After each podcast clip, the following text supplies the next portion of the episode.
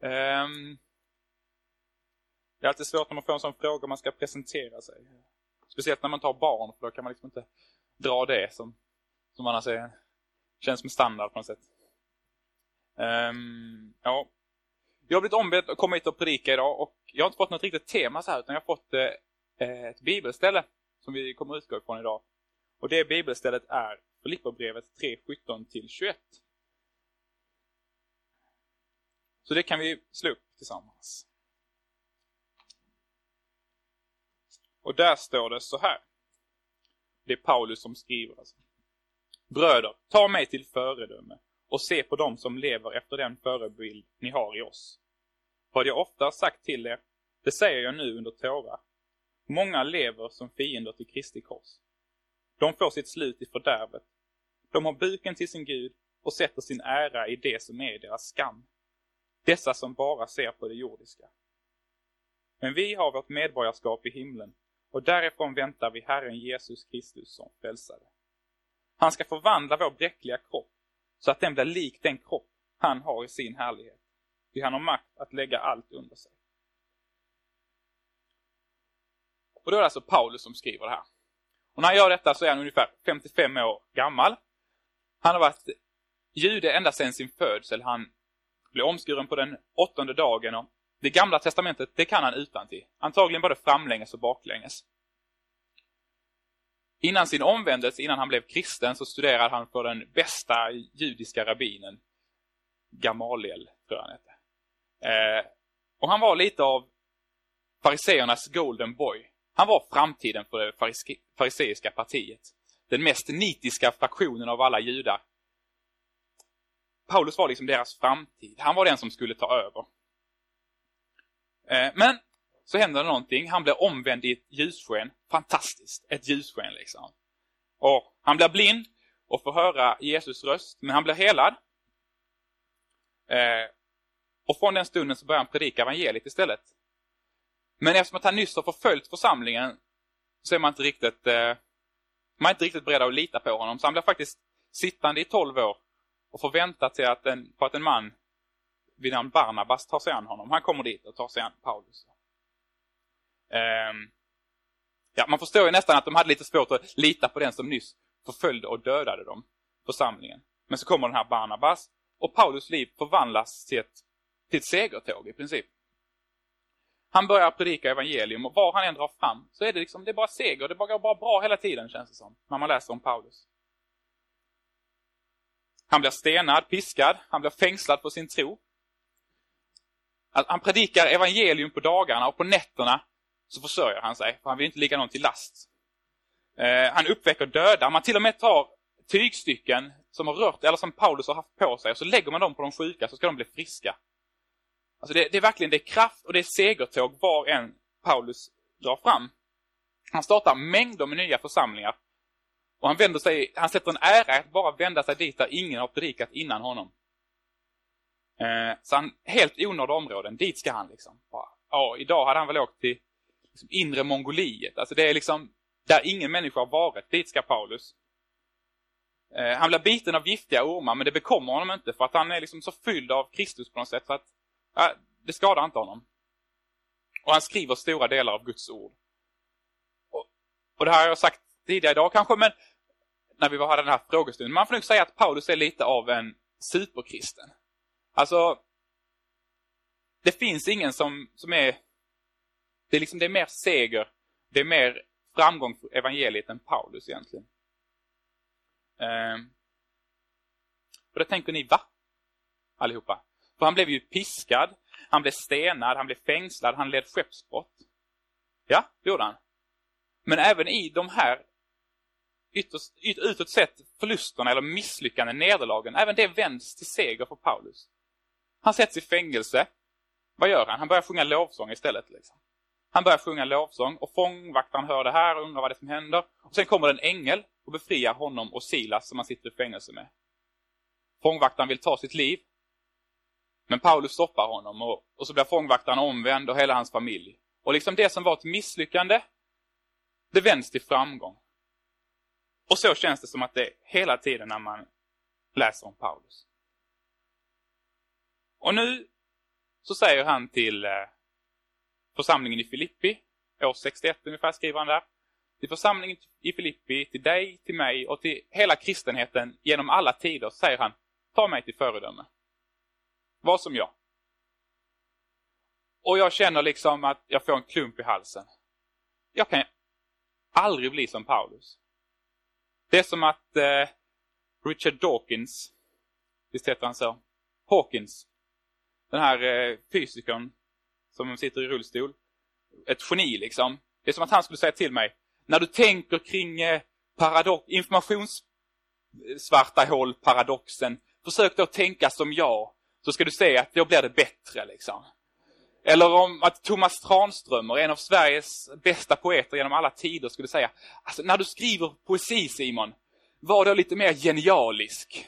Eller att Wilson Kipketer, eh, som hade världsrekordet på 800 meter hur länge som helst och eh, bästa löparen genom alla tider kanske, att han skulle säga när du springer, spring då lika snabbt som jag så blir det bättre. Alltså, det är svårt att liksom ta sig till sig riktigt det här som Paulus skriver. Det är lätt att bara slå dövörat till och tänka att Paulus han står i en klass för sig. Liksom. Jag kan aldrig bli som Paulus. Jag kan aldrig få en sån smörjelse som Paulus har. Och jag kan aldrig bli, bli som han. Jag kan aldrig få uppleva det han upplevde. Jag kan aldrig starta tiotals församlingar. Jag kan aldrig, jag kan aldrig göra allt det han gjorde. Um,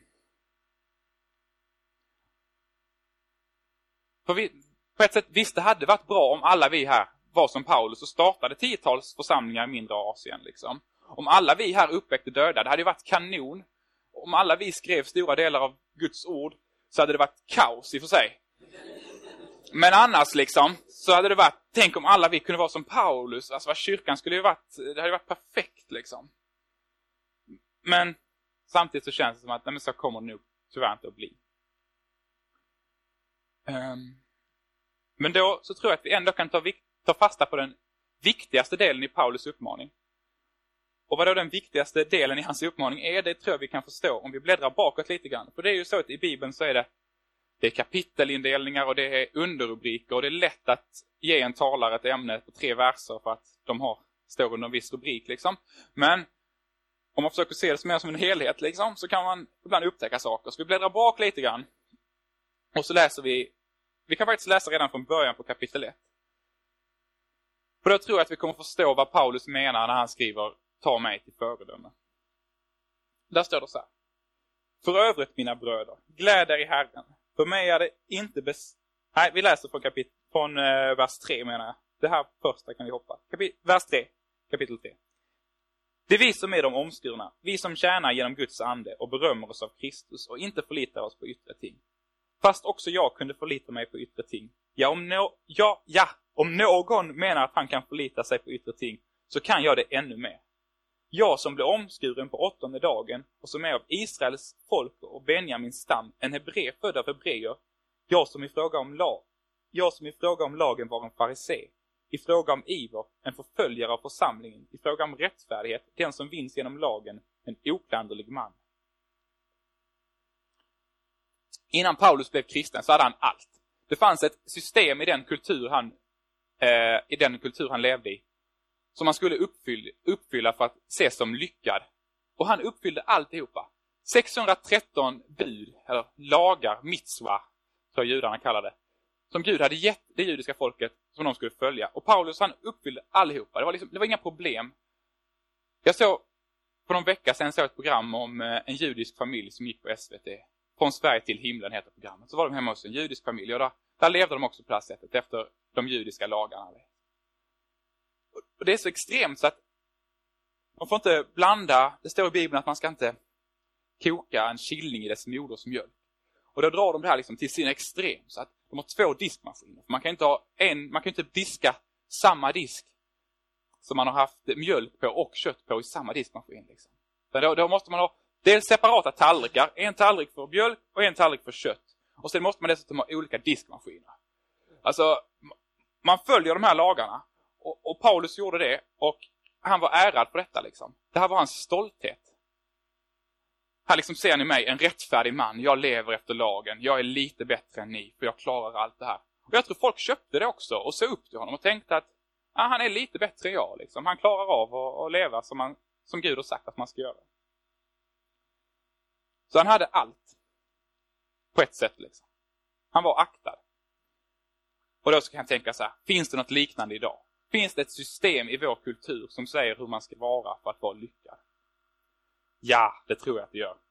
Man ska vara rik, man ska vara snygg, man ska vara social, man ska vara smart, man ska vara omtyckt. Man kanske gärna ska ha lite makt också.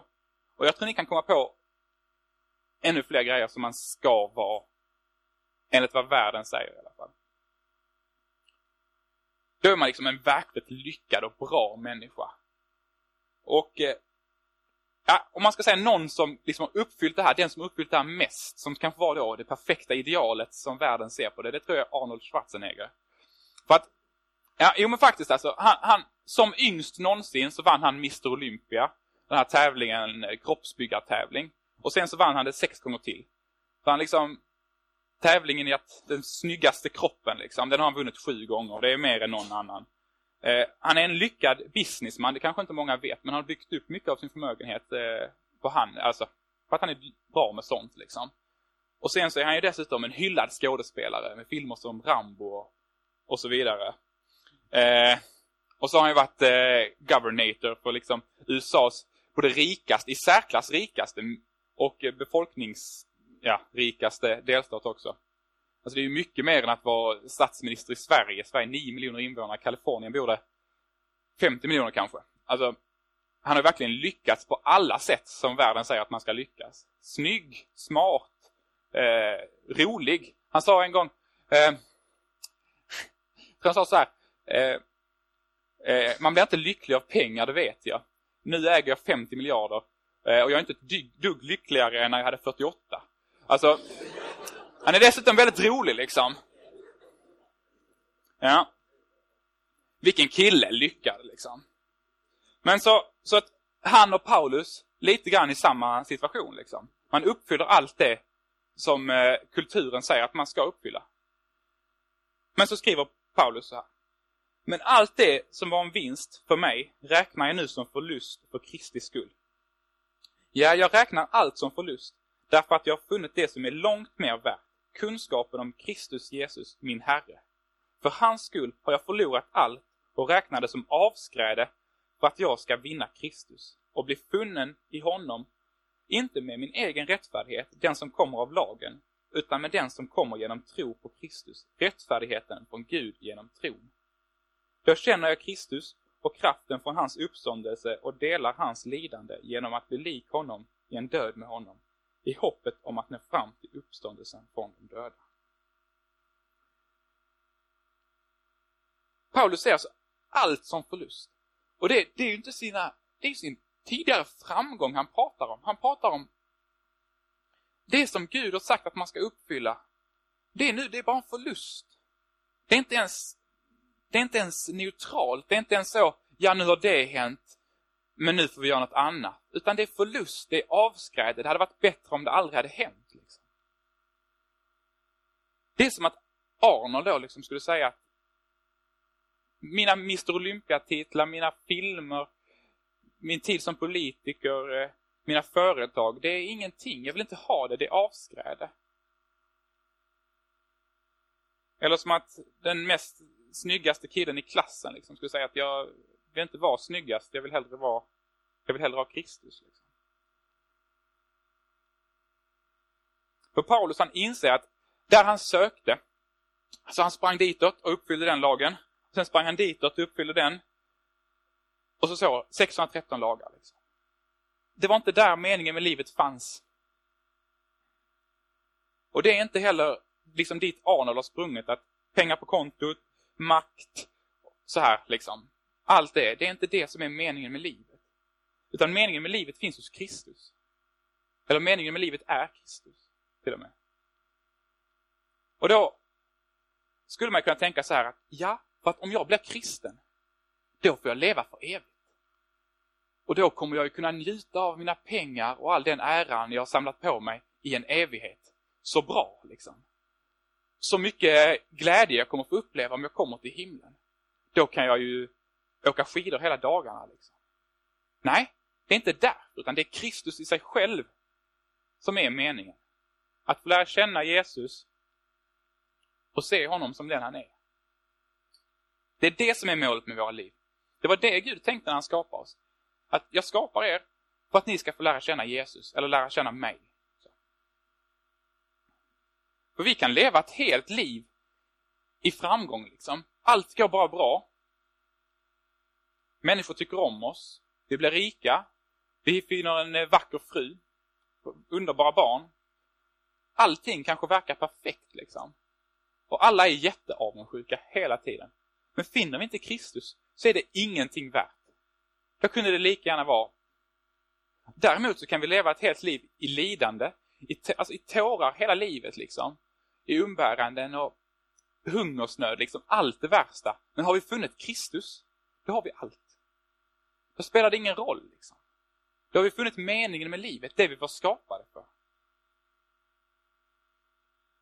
Så vi läser vidare.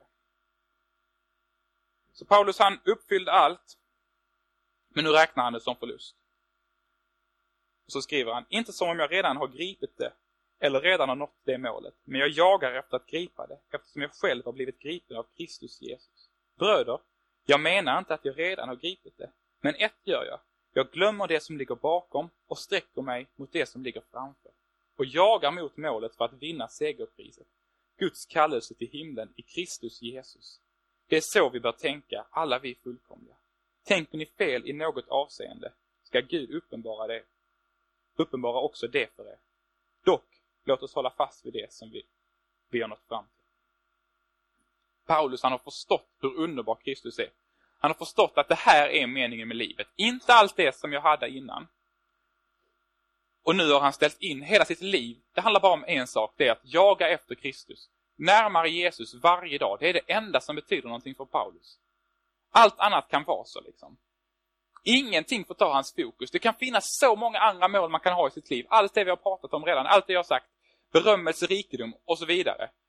Det är mål som vi kan jaga efter. Men där finner vi inte meningen med livet. Vi måste ställa in vårt fokus på att jaga efter Kristus och gripa Jesus. Jesus säger själv, sök först Guds rike och hans rättfärdighet.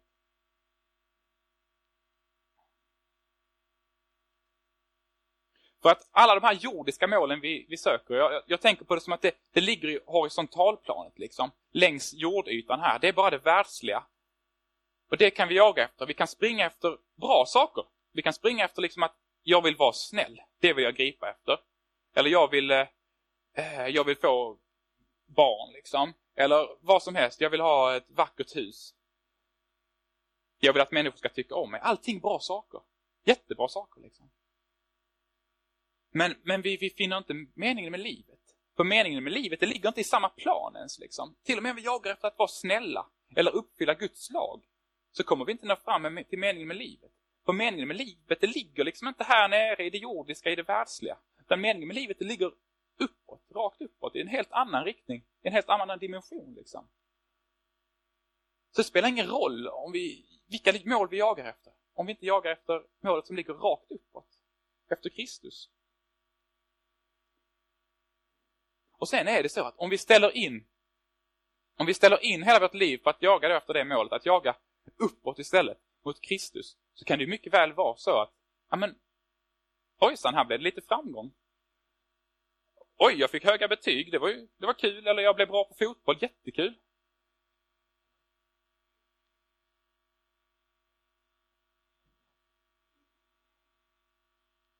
Jättebra saker som vi kan stöta på. Jag vet inte vad ni, vad ni drömmer om liksom. Det är inte så att inte Gud vill att vi ska få det. Utan det kan mycket väl vara så att vi får, vi får även sånt som är, som är härligt. När vi jagar efter Kristus. Men det kan också bli precis tvärtom. Det kan bli så att vi, vi jagar efter Kristus allt vad vi har. Och det enda vi, det enda vi får det är lidande. Och nöd och tårar. Och, och det vet Paulus om. Och det är därför han, om vi läser i fjärde kapitlet, tolfte versen och lite framåt så står det så här. Jag kan leva enkelt och jag kan leva i överflöd.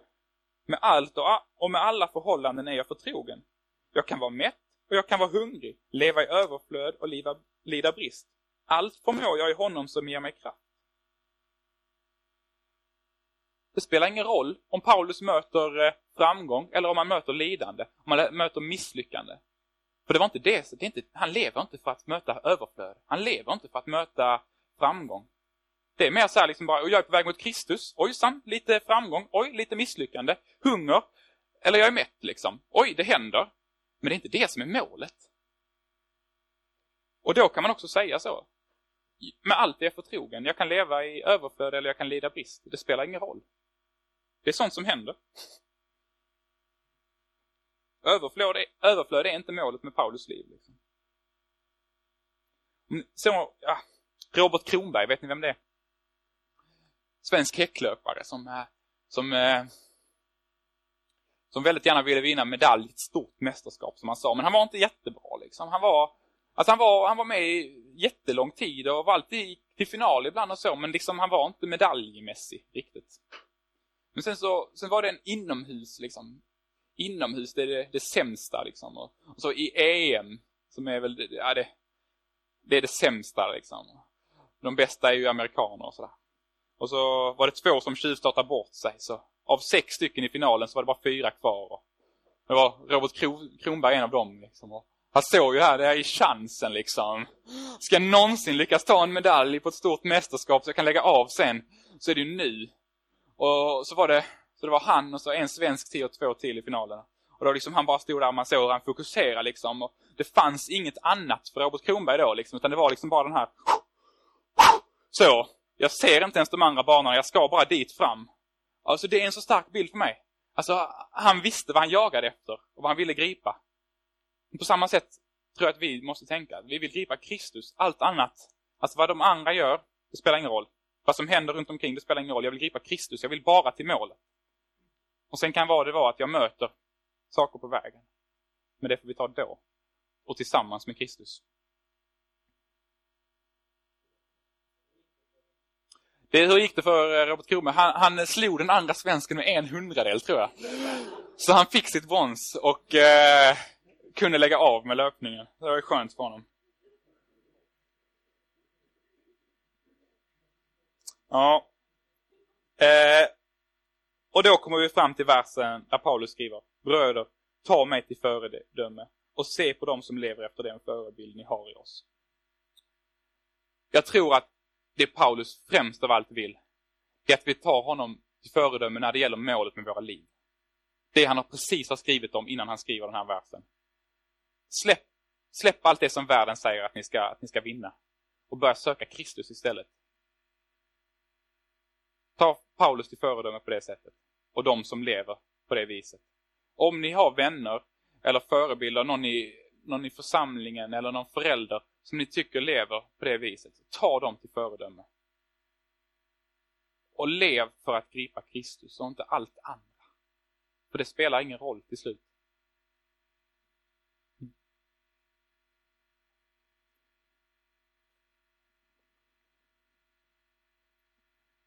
Då går vi vidare. Det var punkt ett. Nu går vi vidare. Då läser vi eh, vers 18 och 19.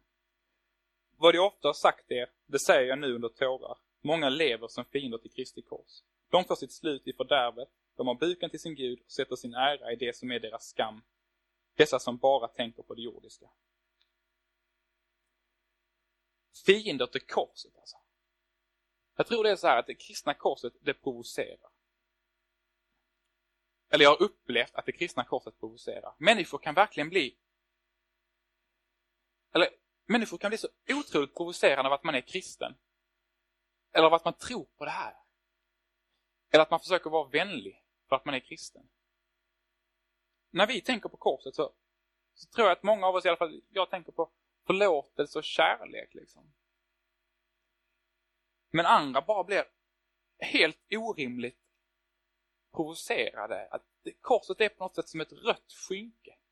Något som man man bara, man bara ser det och så blir man förbannad. Nästan utan anledning på något sätt. Det är helt orimligt. Det, jag, kan inte, jag kan inte förstå det liksom. I många länder så avrättas människor för att de är kristna. Det är deras enda brott, att de är kristna, att de har firat gudstjänst, bett och läst Bibeln. Och så blir de avrättade. Det är helt orimligt. Det, det, det, är inte, det är inte ett brott som man borde bli dödad för. Liksom staterna reagerar, eller den här staten som gör så, den reagerar på ett helt orimligt sätt. Som fiender till korset verkligen. I Nordkorea så är det kanske det kanske det land där det är värst. Eh, jag ska läsa från Open Doors, eller Öppna dörrars aprilnummer. Där står det om Nordkorea så här. På World Watch List fick Nordkorea 90,5 poäng av 100 möjliga.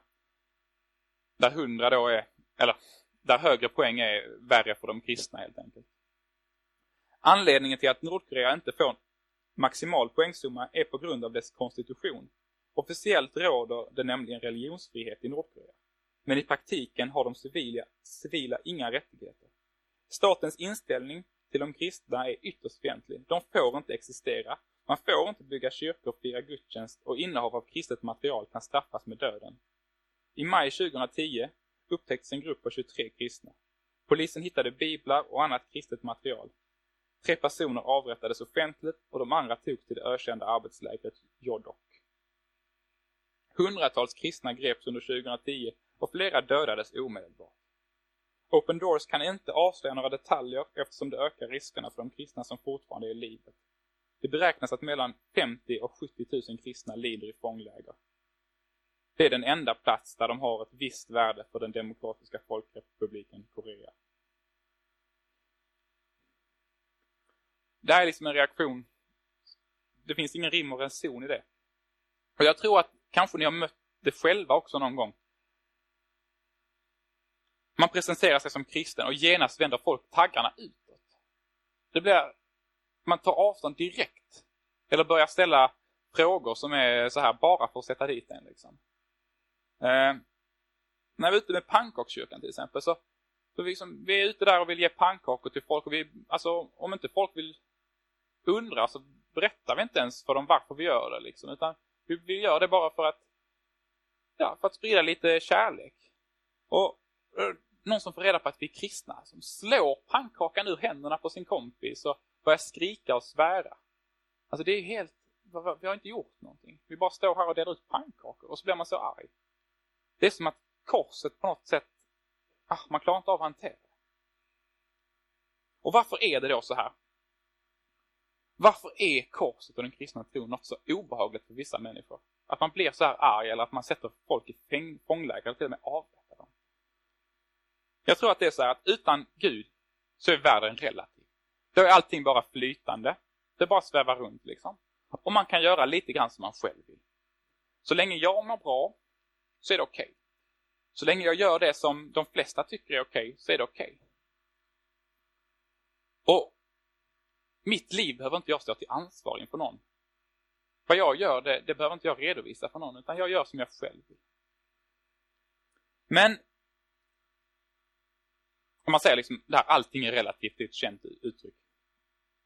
Men så, om Gud har finns, om Gud verkligen liksom har satt ner ett kors i jorden, i världen, för 2000 år sedan, så tänker jag mig att det här korset, det blir liksom som den fasta punkten, som gör att allting är inte relativt längre. Det finns något som inte är relativt, något som inte bara svävar omkring. Utan det finns en fast punkt som Gud har sagt ner i världen och som allting kretsar kring, eller borde kretsa kring. Och det är korset. Där Jesus stod. Korset blir liksom en fast och helt orubblig punkt. Där det inte finns, det finns inte möjlighet för någon diskussion längre, utan Gud säger, jag älskar dig. Och han säger, och jag hatar synden. Och jag tror att båda sakerna kan vara svårt att, att hantera. Att, att någon älskar en, som man inte ens tror finns kanske. Kanske är jobbigt att höra. Och att det finns något sånt som synd och att Gud hatar det. Människor har svårt med det. För att för den som tror att om jag bara är snäll så kommer jag till himlen så är det klart att korset blir en provokation. Eller för den som tror att det finns andra vägar till himlen så är det klart att korset blir en provokation. Eller för den som tänker det finns många vägar till himlen eller det finns ingen himmel eller det finns någonting annat som är viktigare än Jesus. För alla de som tänker på det viset så är det klart att korset provocerar.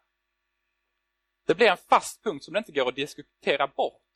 Det går inte att bortse från det. Om det är sant så måste alla människor förhålla sig till korset. Och det vill inte människor. Många vill inte det. I Bibeln så säger Jesus så här, jag är enda vägen till Fadern. På korset, här bakom, på korset så händer det. Det är där vägen öppnas. Jag är enda vägen till Fadern. Det finns inget annat än korset. Som, som verkligen håller. Det finns inte utrymme för, för någon diskussion och det finns inte utrymme för några mellanvägar. Och då finns det egentligen bara två lägen. Antingen så böjer man knä inför korset och säger att du Jesus, du är Herre. Eller så blir man provocerad och en fiende till korset egentligen. Och kanske är det de som inte reagerar så mycket. Det kanske är egentligen de som är konstigast på ett sätt.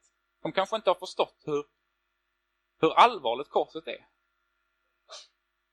Är ni med på hur jag tänker? Det går inte att förhålla sig det går inte att förhålla sig likgiltig. Det går inte att tänka så här, jaha, du är kristen, men det angår inte mig. För jo, min kristna tro säger att det angår dig. Om min kristna tro är sann, som jag tror att den är, så angår det alla människor. Och det är klart att det provocerar människor. Ska man problematisera det här lite grann så kanske det är så här att även i oss som är kristna så finns det en fiende till korset. Vi vill inte alltid ha med korset att göra. Vi vill istället lyfta fram våra egna men jag, nu har jag ju varit snäll, nu har jag ju läst Bibeln, eller nu har jag ju bett jättemycket och gått på påskläger. Man vill lyfta fram det inför Gud och säga, titta så duktig jag är. Och så kanske man slipper be om förlåtelse liksom. För då uppväger det något annat dumt man har gjort. Eller så. Tänker man. Det kan vara lätt att göra så. Och det är, den, det är den gamla människan. Det är den gamla Adam. Som vill klara sig själv och som inte vill ha med Gud att göra. Och på det sättet kan till och med goda handlingar, till och med det kan bli en flykt bort ifrån Gud. Om man gör den goda handlingen för att inte behöva vara beroende av korset. Vad är det då? Är inte det synd på sitt mest utstuderade sätt nästan? Mm. För den som lever på det viset så blir till och med den goda gärningen en flykt bort ifrån Gud. Och, och, om de som lever på det viset så skriver Paulus faktiskt så här. De får sitt slut i fördärvet. De har buken till sin Gud och sätter sin ära i det som är deras skam. Dessa som bara tänker på det jordiska. Det är allvar. Vi får inte leva som fiender till korset. Vi måste böja knä inför korset och säga att du får ta, du får ta min synd Jesus.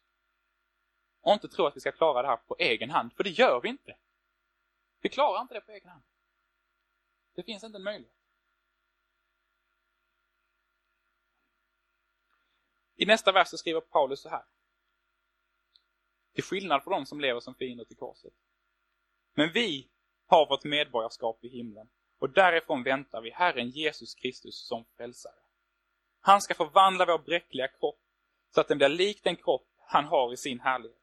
Ty han har makt att lägga allt under sig. Vi har vårt medborgarskap i himlen. Till skillnad från någon som lever som fiende till kors.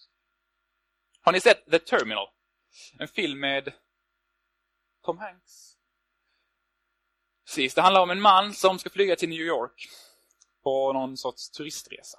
På väg till New York så upphör hans land att existera. Och han blir liksom utan medborgarskap. Det som händer är att han, han får inte komma in i New York. För det kan man inte göra utan, eh, ja, utan ett medborgarskap någonstans, utan godkända papper liksom. Och han har ju heller ingenstans att skickas tillbaka till. Så han blir fast på flygplatsen. Och han bor där ganska länge, jag minns det, ett år liksom, eller ett par eller sådär. Risse nickar, så ett par. Eh, och han förstod nog hur mycket värt ett medborgarskap är. Vi som lever i Sverige kanske glömmer det ibland.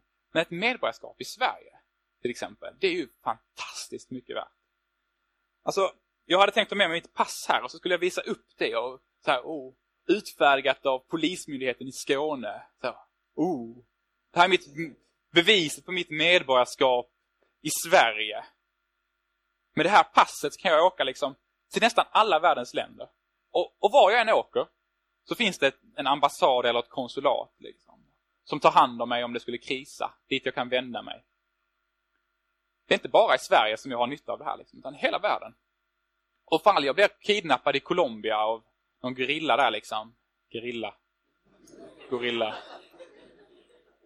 Så, så, så, löser det sig kanske, för då gör Carl Bildt allt han kan för att få ut mig. Få tillbaka mig till Sverige. Alltså det är otroligt mycket värt. Och det är ändå bara mitt medborgarskap i Sverige, vad är det liksom? Vi har vårt medborgarskap i himlen, halleluja! Alltså det är helt fantastiskt. Vart vi än går, på samma sätt som med mitt medborgarskap i Sverige. Vart jag än går i världen så tar Sverige hand om mig. Men vart jag än går i världen så tar också Gud hand om mig. För jag har mitt medborgarskap i himlen. Alltså Gud, han når ju ut överallt. Till och med till de länderna där Sverige inte når ut, där når ju Gud ut. Det finns kristna i alla länder och Guds hand den räcker ut. Liksom. Hur illa det än är ställt så vet jag att till slut så får jag återvända till himlen. Eller till slut så får jag återvända till Gud, till himlen, helt enkelt. Och det kan ju vara lätt. Eller det blir i alla fall lättare att uthärda ett lidande om man vet att det här kommer att ta slut. Jag är bara på besök här. Det här är inte mitt hem för alltid. Det är inte här jag har mina skatter. För mina skatter har jag i himlen och mitt hem, det har jag i himlen. Och dit ska jag en dag. Och där ska det inte vara någon eh, sorg, där ska det inte vara någon gråt. Där ska det vara, vara jubel dagen lång. Och... Eh, ja. För lite, visst är det lite grann så här att om, man, om man vet att efter grussäsongen liksom. Jag som fotbollsspelare, man springer på, på grusplanen i kanske fem månader liksom. Ja, det kanske är mer. Och det uthärdar man. För man, man, man hade inte uthärdat det om man visste att det här får inget slut. Den här kommer bara fortsätta i... Det blir aldrig bättre än så här. Det kommer bara vara blåsigt och kallt och bollarna är sådär liksom och så regnar det och så, och så är det så här plan, har något lag spelat innan och sen har det regnat så det är en gyttja som fryser till is liksom. Så det är så här, alltså det... Om det bara var det alltid så hade man ju slutat. Men, men man vet att det väntar, det kommer något bättre liksom. Det kommer något bättre, det kommer gräs. Och det kommer, ja men alltså, det, jag menar verkligen det här. Det kommer något bättre. Och jag vet att det här, det här är tidsbegränsat. På samma sätt är det för oss alltså. Även om, fast det kanske inte alltid är vårt problem i Sverige. Vi kanske snarare fäster oss väldigt mycket vid det jordiska livet. Men för vissa tror jag det är så här att det jordiska livet är bara, det är bara plåga. Det är bara sorg, det är bara misslyckande. Och då kan man kanske uthärda det om man vet att ja, men det väntar bättre dagar. Har ni hört om, eller det är klart ni har hört om exilen. När eh, de som var kvar av Israels folk bli förda till Babylon. Och det var inte där de ville vara. Men de visste att de skulle få återvända. Om 70, 70 år ska vi vara i Babylon, men sen ska vi få återvända. Då går det att uthärda. 70 år, det är länge. Men, men det går och det går. Och, och, och, en dag ska det bli så bra. Och det här är ju en bild hur det är för oss. Alltså, vi befinner oss i exil. Vi är inte i vårt hemland. Vi är inte där Gud vill att vi ska vara mest av allt. Liksom. Eller det landet som flyter av eh, mjölk och honung. Vi är inte där. Det är inte det här som är, som är allt. Det kommer mer och det kommer bli så mycket bättre.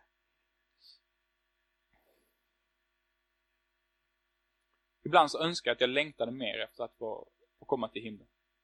Än vad jag gör. Mm. Och därifrån väntar vi Herren Jesus Kristus som vår frälsare. Vi väntar på honom som dog för vår skull. Jesus han hade allt i himlen. Han var Gud. Han var kungars kung och herrars herre, det är han fortfarande. Men han var, han satt på tronen och änglar lovsjöng honom natt och dag. Och så blev han född som ett litet barn. Han, liksom, han börjar här uppe. Och så blir han född som ett litet barn. Och sen så rider han in, ja, sen så går tiden, så rider han in i Jerusalem på en åsna, hyllas som konung.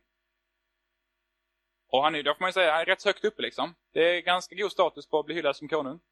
Sen så, men han drar sig undan istället. Han tar inte emot den här hyllningen, han drar sig undan.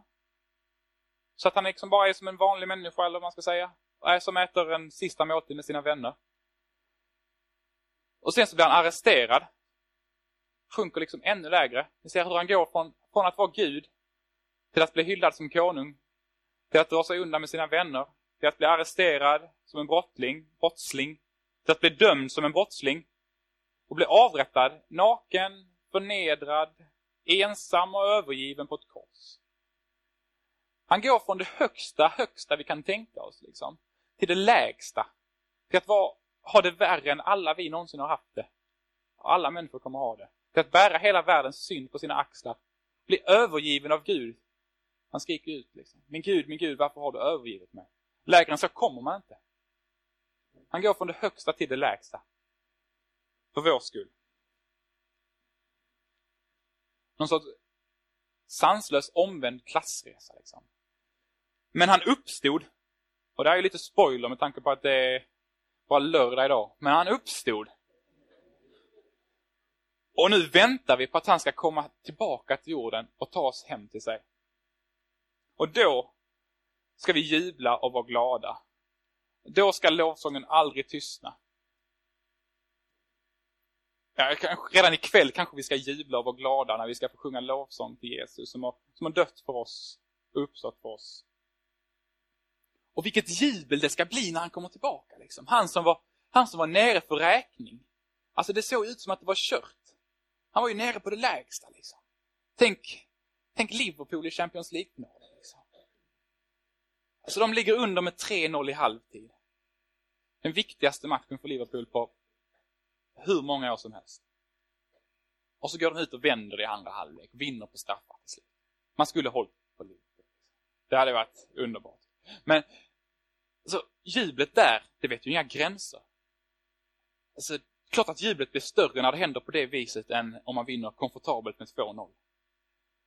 Och vilket jubel det då ska bli när, eller vilket jubel det måste ha blivit när han uppstod Jesus. Han som var nere för räkning liksom. Det såg kört ut. Men det fanns en plan och det löste sig.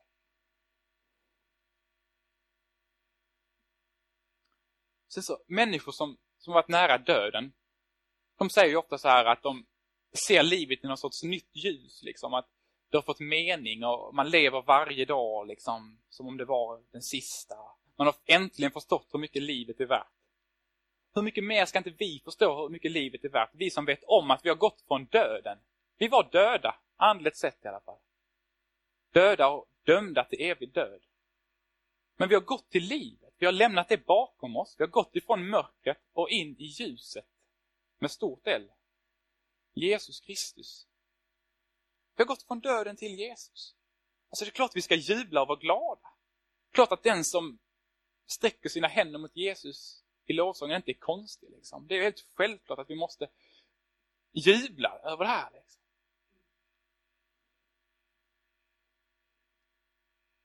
Och det är inte bara det är inte bara, det är inte, det är inte bara jag som är räddad. Liksom. Det hade varit underbart hade jag tyckt. Men det är ju alla ni också. Och, och massor av mina vänner som är räddade till evigt liv. Alltså, det kan ju inte bli mycket bättre. Och då ska vi få komma till himlen. Och där ska vår bräckliga kropp förvandlas och bli lik Jesus kropp. Där ska vi inte bli sjuka. Där ska vi inte dö. Där ska inte människor få cancer. Där ska inte människor bli dementa, jag har jag redan sagt. Ingen ska få cancer, ingen ska bli lam. De döva ska höra igen. Jesus visade ju lite grann av det här när han gick på jorden. Himmelriket redan här liksom. Jesus helade de eh, sjuka. En liten bild av himmelen. Men då ska det komma i fullt mått. Då ska det verkligen blomma ut. Och vilken underbar dag det ska bli. Jag vill avsluta med att läsa det som följer sen på de här eh, fem verserna. Fyra, fem. Där står det så här. Stå därför fasta i Herren, mina älskade och efterlängtade bröder, min glädje och min krona, ni mina älskade. Evodiga och Syntyke uppmanar jag att vara eniga i Herren. Jag också dig, trofaste medarbetare, ber jag, hjälp dem som har kämpat med mig i evangeliets tjänst tillsammans med Clemens och mina med, andra medarbetare, som har sina namn i Livets bok. Och nu kommer det lite mer till oss kanske. Det här var lite personliga hälsningar. Gläd er alltid Herren. Än en gång vill jag säga, gläd er. Låt alla människor se hur vänliga ni är. Herren är nära. Gör er inga bekymmer för något. utan låt Gud i allt få veta era önskningar genom åkallan och bön med tacksägelse. Då ska Guds frid, som övergår allt förstånd, bevara era hjärtan och era tankar i Kristus Jesus. Vi ber. Herre, vi vill tacka dig för att du kom ner till jorden och dog för vår skull för 2000 år sedan. Så jag tackar dig för att du bar alla våra synder och för att vi kan få jubla nu, Jesus. För att vi kan få vara glada för att du har dött och uppstått för vår skull, Jesus. Herre Jesus, jag tackar dig för att vi får tillhöra, dig, för att vi har fått lämna mörkret utan dig och komma in i ljuset, komma in och vara dig nära, Jesus. Jag tackar dig för att du till och med har sänt din heliga Ande som bor inuti oss. Och som uppfyller oss varje dag. Jag ber att vi skulle få möta dig nu. I bön och i lovsång, Herre, i förbön och ja, allting. Jag ber dig verkligen, Jesus, att du att du låter oss se dig så som du är, Jesus.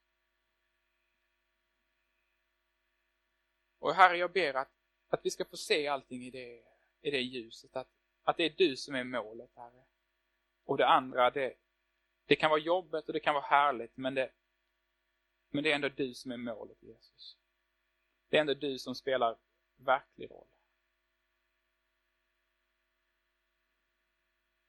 Nu lämnar vi oss själva till dig, Jesus. Tack för att du är så trofast och för att du tar emot oss. I ditt namn, Herre. Amen.